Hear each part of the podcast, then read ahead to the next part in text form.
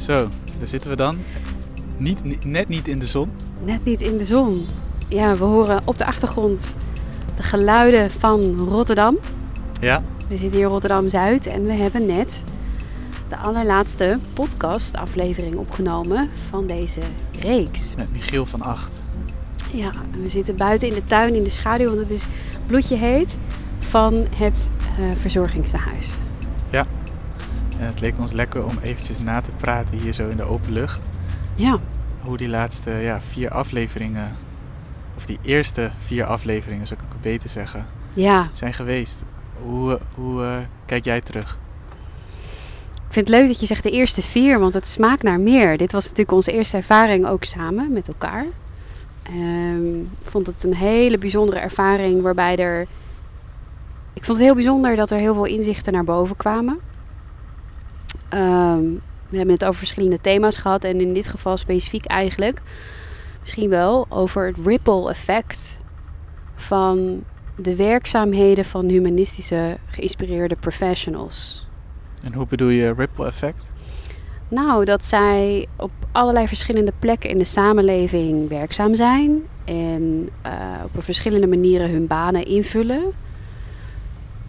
Ja, en wat mij eigenlijk onwijs is, ehm, toch misschien, ik weet niet of het me verbaasd heeft, maar wat me is opgevallen is dat er iets naar boven is komen borrelen. En ik ben, ben heel erg benieuwd of jij dit ook hebt gehoord in, in de gesprekken. Ja. Ehm, want iedereen op zijn eigen manier hoorde ik eigenlijk zeggen dat ze, hè, ze noemden de woorden van, van met mensen meelopen, het belang van er zijn, samen zijn met anderen. En op een gegeven moment dacht ik echt van, komt er naar boven borrelen. Het lijkt wel alsof de essentie van mens zijn, alsof dat eh, fundamenteel samen zijn is. Dus in ons fundament dat we het nodig hebben dat we zonder een hidden agenda of een diagnose of een bepaalde reden met iemand existentiële thema's moeten kunnen bespreken om volwaardig helemaal mens te kunnen zijn. Klinkt dit vaag? Nee, nee, nou tenminste voor mij niet. Niet na vier gesprekken die we hebben gehad. Vier eh, super mooie gesprekken. Nee, eh, nee, het klinkt helemaal niet vaag. En ik denk inderdaad, nou zoals in dit laatste gesprek geeft Michiel dan ook nog aan dat eenzaamheid dat soms ook met je doet. Dus dat je ook voor jezelf die vragen moet gaan stellen. Maar dat het dan alsnog fijn is dat iemand je helpt om naar die vragen toe te gaan. Van oké, wie ben ik? Wat wil, wat, wie wil ik zijn? Ehm, ja, en dat het gewoon heel fijn is. Het, het is gewoon niet iets alledaags. Veel gesprekken zijn toch iets, ehm, iets minder diep. En dat is ook goed. Mhm. Want die hebben ook weer diep te denken op een andere manier. Ehm, maar ik, ja, voor mij laat de- laten deze gesprekken dat inderdaad zien. Dat je eh, ook, ook met een enorme urgentie dat ik denk... Volgens mij is dit echt zo'n eh, fundamenteel iets. Je moet Mhm. het ik vind het ook bijna gek. eh, sorry dat ik een beetje van op de hak op de tak. Maar het is even een andere stijl om dat soort van napraten. Ja, nee, leuk. Maar het, het soort van gek. Weet je, soms, zeg maar heel open gesproken, vind ik. eh, ik kom uit de innovatiehoek. En op het moment dat iemand innovatie voor mij te weinig resultaatgedreven interpreteert, kan ik het storend vinden. Dus dan Ja. kan ik denken: jeetje, we moeten hier, eh, we hebben een maatschappelijk vraagstuk aan eh, ja, op te lossen. En tegelijkertijd denk ik, in veel van die gevallen wat mensen ook, waar mensen naartoe willen, is denk ik ook het echte gesprek. Dus mensen willen ook juist de zachtere kant, die misschien niet direct een oplossing eh, creëert. Hoewel misschien op de lange termijn wel, omdat je met elkaar over de dingen hebt die je misschien emotioneel in de weg zitten. Mhm.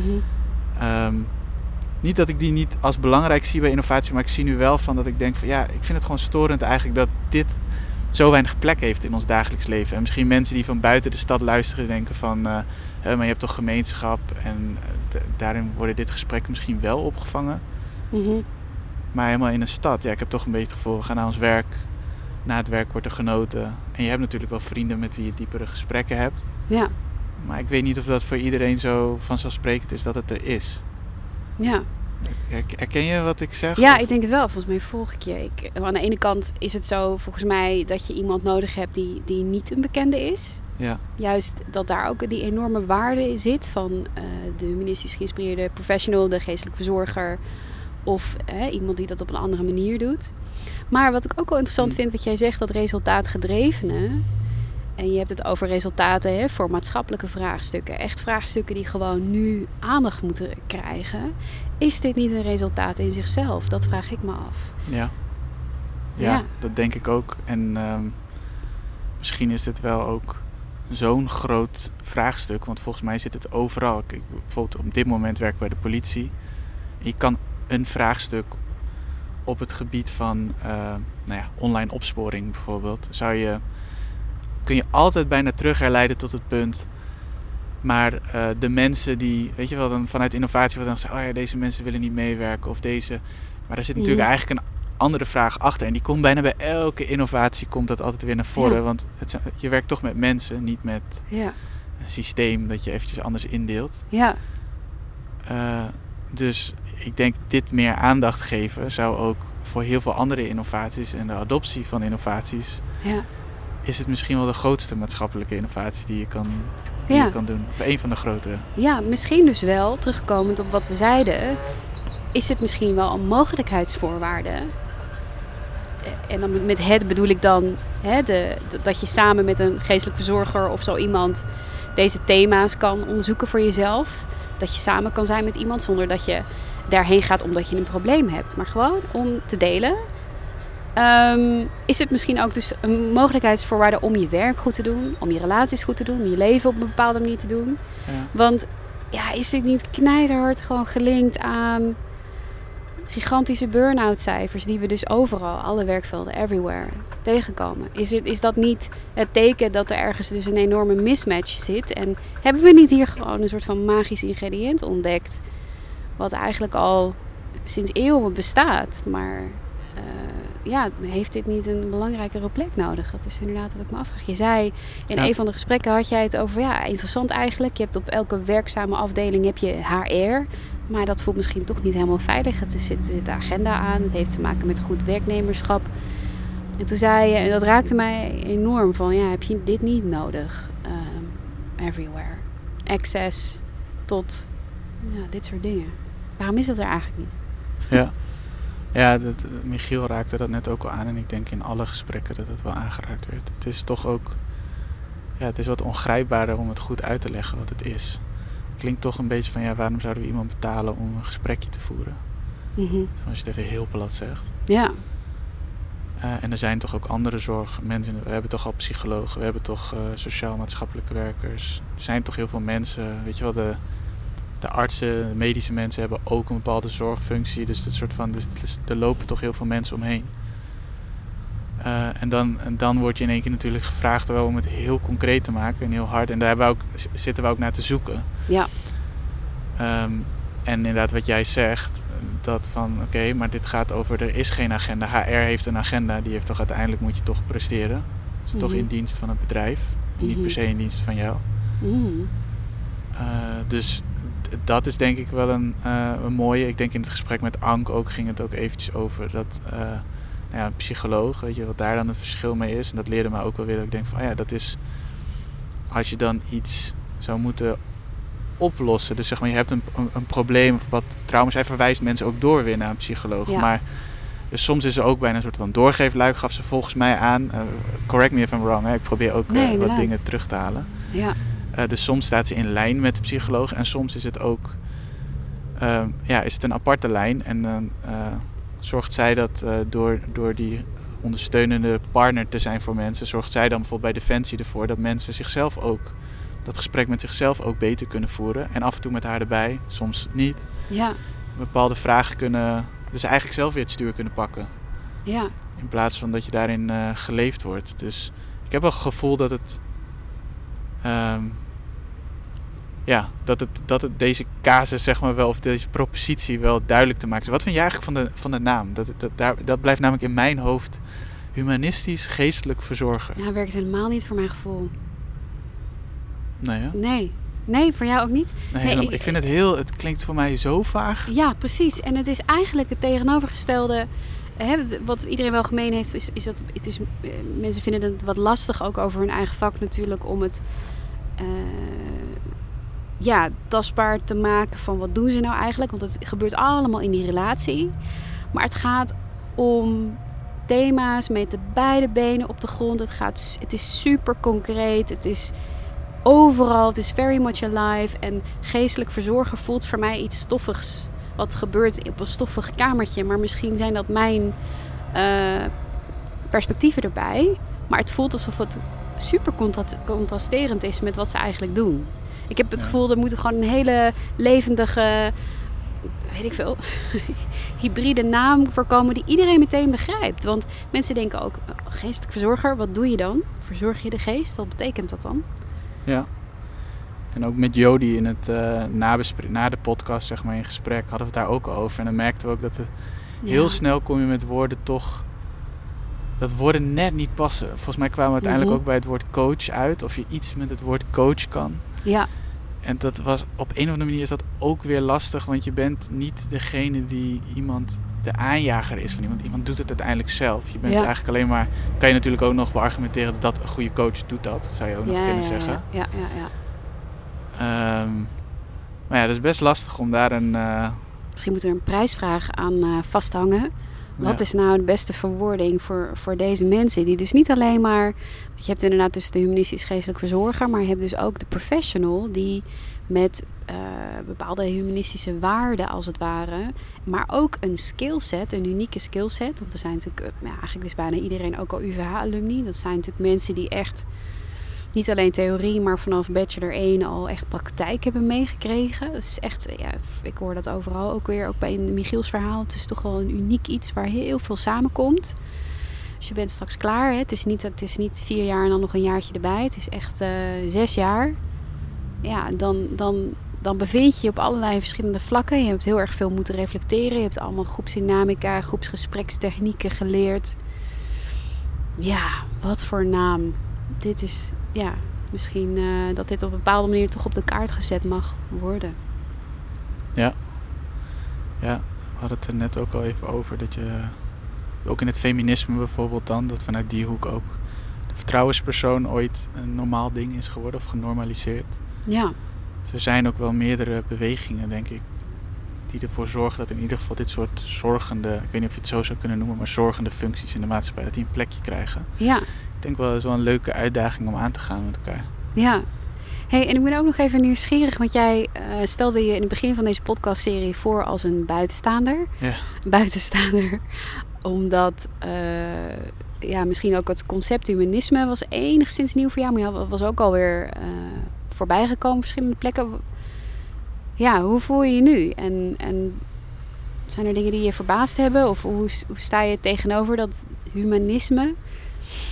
Ja, eigenlijk heel. Uh, op sommige vlakken ben ik ook wel een beetje een humanist, merk ik. Dus uh, ik hou ook wel van de zwaardere thema's. En ik vind denk ook dat het belangrijk is om die existentiële thema's af en toe in een goed gesprek naar voren te laten komen. Want uh, ja, ik merk ook dat ik daar niet helemaal een duidelijk antwoord aan heb waarom. Want dat stelden we namelijk net wel aan Michiel van waarom is het dan dat je die vraag aan jezelf stelt of zo. Mm uh, maar ik geloof wel dat ze bevrijdend zijn, omdat ze iets zeggen over van ja, wat is je missie, wat doe je het liefst? En er zitten heel veel soort van leugens in, in, in, die in je hoofd dan rond dwalen. En dan wil je weten wat is echt. Mm En op het moment dat je daar dat dan doet, dat zijn ook de dingen waar in één keer heel veel dingen lukken of zo. Dus dat, ja, ik geloof ik dat het een soort van, ja, het is iedereen's recht om daar uh, naar op zoek te mogen gaan. En ja, dus ik ben er heel positief over. Tegelijkertijd weet ik wel dat ook ik word er nu alweer een beetje ingezogen. Dat je bijna bepaalde dingen, weet je, ga je normaal vinden. Zoals? Nou ja, ook... Um, het klinkt natuurlijk ook allemaal best wel zwaar. Ik denk ook dat sommige mensen gaan de podcast ook luisteren die nieuw zijn. Die gaan ook soms denken van, ja, wow, het is wel even... Het is niet even als ik even die luchtige podcast erin wil gooien. Dat, dat is deze podcast niet. Nee. Uh, ik denk wel dat we, op, dat we echt ons best hebben gedaan om het toegankelijker te maken. Ook dingen te verduidelijken, lekker luchtig te houden. Mm Te denken over hoe lang duren die podcast. Ja. Uh, maar ja, uiteindelijk, uh, al bij zo'n naam, zeg maar als de kern, zeg maar de naam, wat toch wel iets is wat daaruit voortvloeit, als dat zo vaag is. Ja. En ik snap het nu wel beter door die geschiedenis van oké, okay, dat je dan uiteindelijk dus de, eerst de, de kerken had en daar werd iets naast gezet. Dus ik snap dat dan het geestelijk verzorgen en het heeft ook met je geest te maken. Ja. Maar ja, wat is de geest? Dat is alweer eigenlijk toch wel weer ook een ja, religieuze. Ja, eh, bewoording van dat ding wat jij vaak zijn noemt, eh, mens zijn. ja, Eh, ja, het blijft toch een religieuze manier om het, om het uit te leggen. Dus ja, ik, ik, de branding vooral. ja. de branding. Hey, want het, wat ook zo tof is, vind ik. Jij hebt hiernaast nog een eh, hele podcastreeks. ehm hoe heet die ook weer? De Sociale Innovatie Podcast. Natuurlijk. Yes. En, ehm, en, en je zei eh, vandaag ook van ja, oh, het is heel interessant. Het is, het is echt, het heeft een hele andere vorm. Als je nu kijkt naar, ja, hoe kijk je terug op deze, op deze podcastserie? De start van deze podcastserie. Ja, heel, heel cool. Ik, ik, ik merk dat gewoon, ja, je, wat ik net ook zei, van, het klinkt heel anders. De Sociale Innovatie Podcast. Je hoeft net iets minder ruimte te laten in het gesprek. Je moet je af en toe zeg maar, ook echt eventjes helemaal 100% voelen. Omdat het allemaal over emoties gaat. Ja, Om het eerlijke antwoord te, te, naar boven te krijgen, moet iedereen aan tafel voelen. En moet je ook eh, zelfs dingen weer met je stem doen, met je houding doen. Om eh, het, het een goed gesprek te laten worden. ja, Nou is dat natuurlijk allemaal van belang eh, bij elk gesprek. Maar ik heb Ja. het gevoel dat het hier meer van... Dus ik vond het ook... En ook met jou vind ik het echt super... het is ook heel leuk om samen op pad te zijn. ja, Maar het is ook weer heel leerzaam en ja, heel anders om... Michiel die eh, staat nu vanaf het raam, die maakt nog even een fotootje. Ehm, ja, eh, vind ik ook heel leerzaam. Want ja, het is ook gewoon leren podcast maken tegelijkertijd. ja. We hebben een hele andere dynamiek dan wanneer je alleen gaat zitten. En dat vond ik ook juist zo leuk, omdat het natuurlijk eigenlijk gaat het in, in het fundament over het delen van verschillende perspectieven.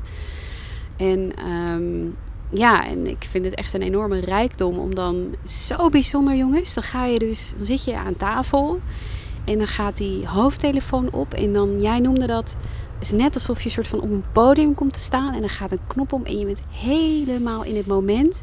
En dan zelfs als de, als de podcast eh, eh, aflevering is afgelopen, dan, nou, dan gaat, gaat het knopje uit en dan gaat het geluid uit van je headphones die je op hebt. En dan komt er een soort van zo'n gevoel van wow, dan ben je ook uit het gesprek. Dan weet je eigenlijk al helemaal niet eens meer waar je het over gehad hebt. Ja. En in dat moment, elke keer, elke aflevering vond ik ook heel gaaf om dan...